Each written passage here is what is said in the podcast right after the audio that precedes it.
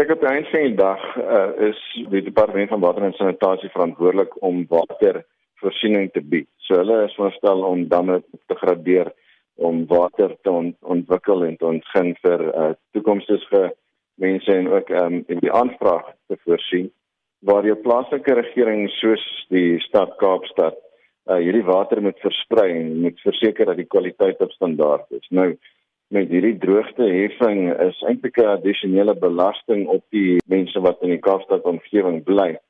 Uh, want wat, die Kaapstad uh, stad beoog om te doen is hulle wil waterinfrastruktuur ontwikkel om water vir mense te gee.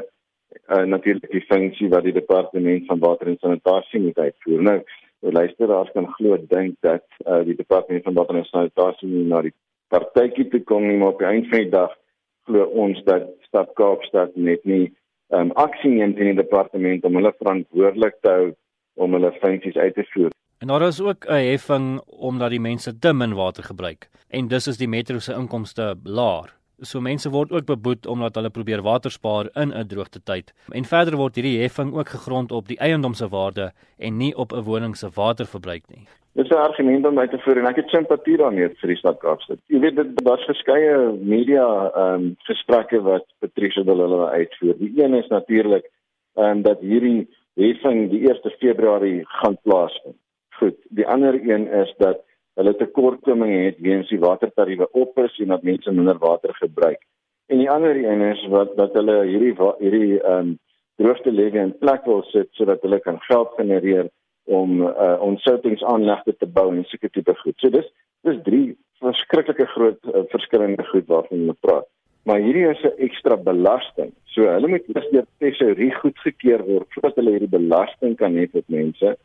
En weer eens eh, kom die vraag, kom ons sê vir argumente onthaalwe oor 3 jaar vanaf as die damme vul en die water vloei, ehm um, gaan hierdie stad Kaapstad hierdie heffing wegneem. Ek twyfel, ons het nog nooit eintlik 'n belasting gesien wat uh, weggeneem word nie. So dit gaan ook nie die probleem nou aanspreek nie. Ek dink uh, die alternatief wat staan is dat hierdie stad Kaapstad moet opstaan en die departement van water en sanitasie verantwoordelik hou om hulle werk te begin doen en hulle kan dit in die grondwetlike hof bevestig indien hulle hoef dit moet doen. Kan die inwoners van Kaapstad weier om hierdie belasting of hierdie heffing te betaal? Ek dink dit is baie belangrik om dit te stop voordat dit enigstens geïmplementeer word. So ehm um, jy weet ons wag net vir die 29 Desember vir terugvoering van die uh, van stad Kaapstad af om te sien of dit gaan stop of nie.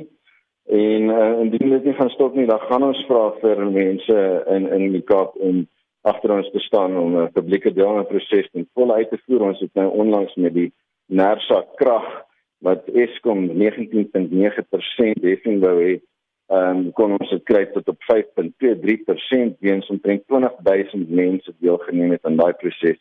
En ek dink ons kan dit weer doen. En natuurlik is daar ander aksies en ons ehm um, sal ook voorbereiding doen om hof toe te gaan om vir stad Kaapstad te stop. Uh, jy weet, die einde van die dag ons weet dat water skaars is en dat bad droog is in die Kaap is en ons wil mense ook aanmoedig asseblief hou mekaar verantwoordelik en uh, spaar water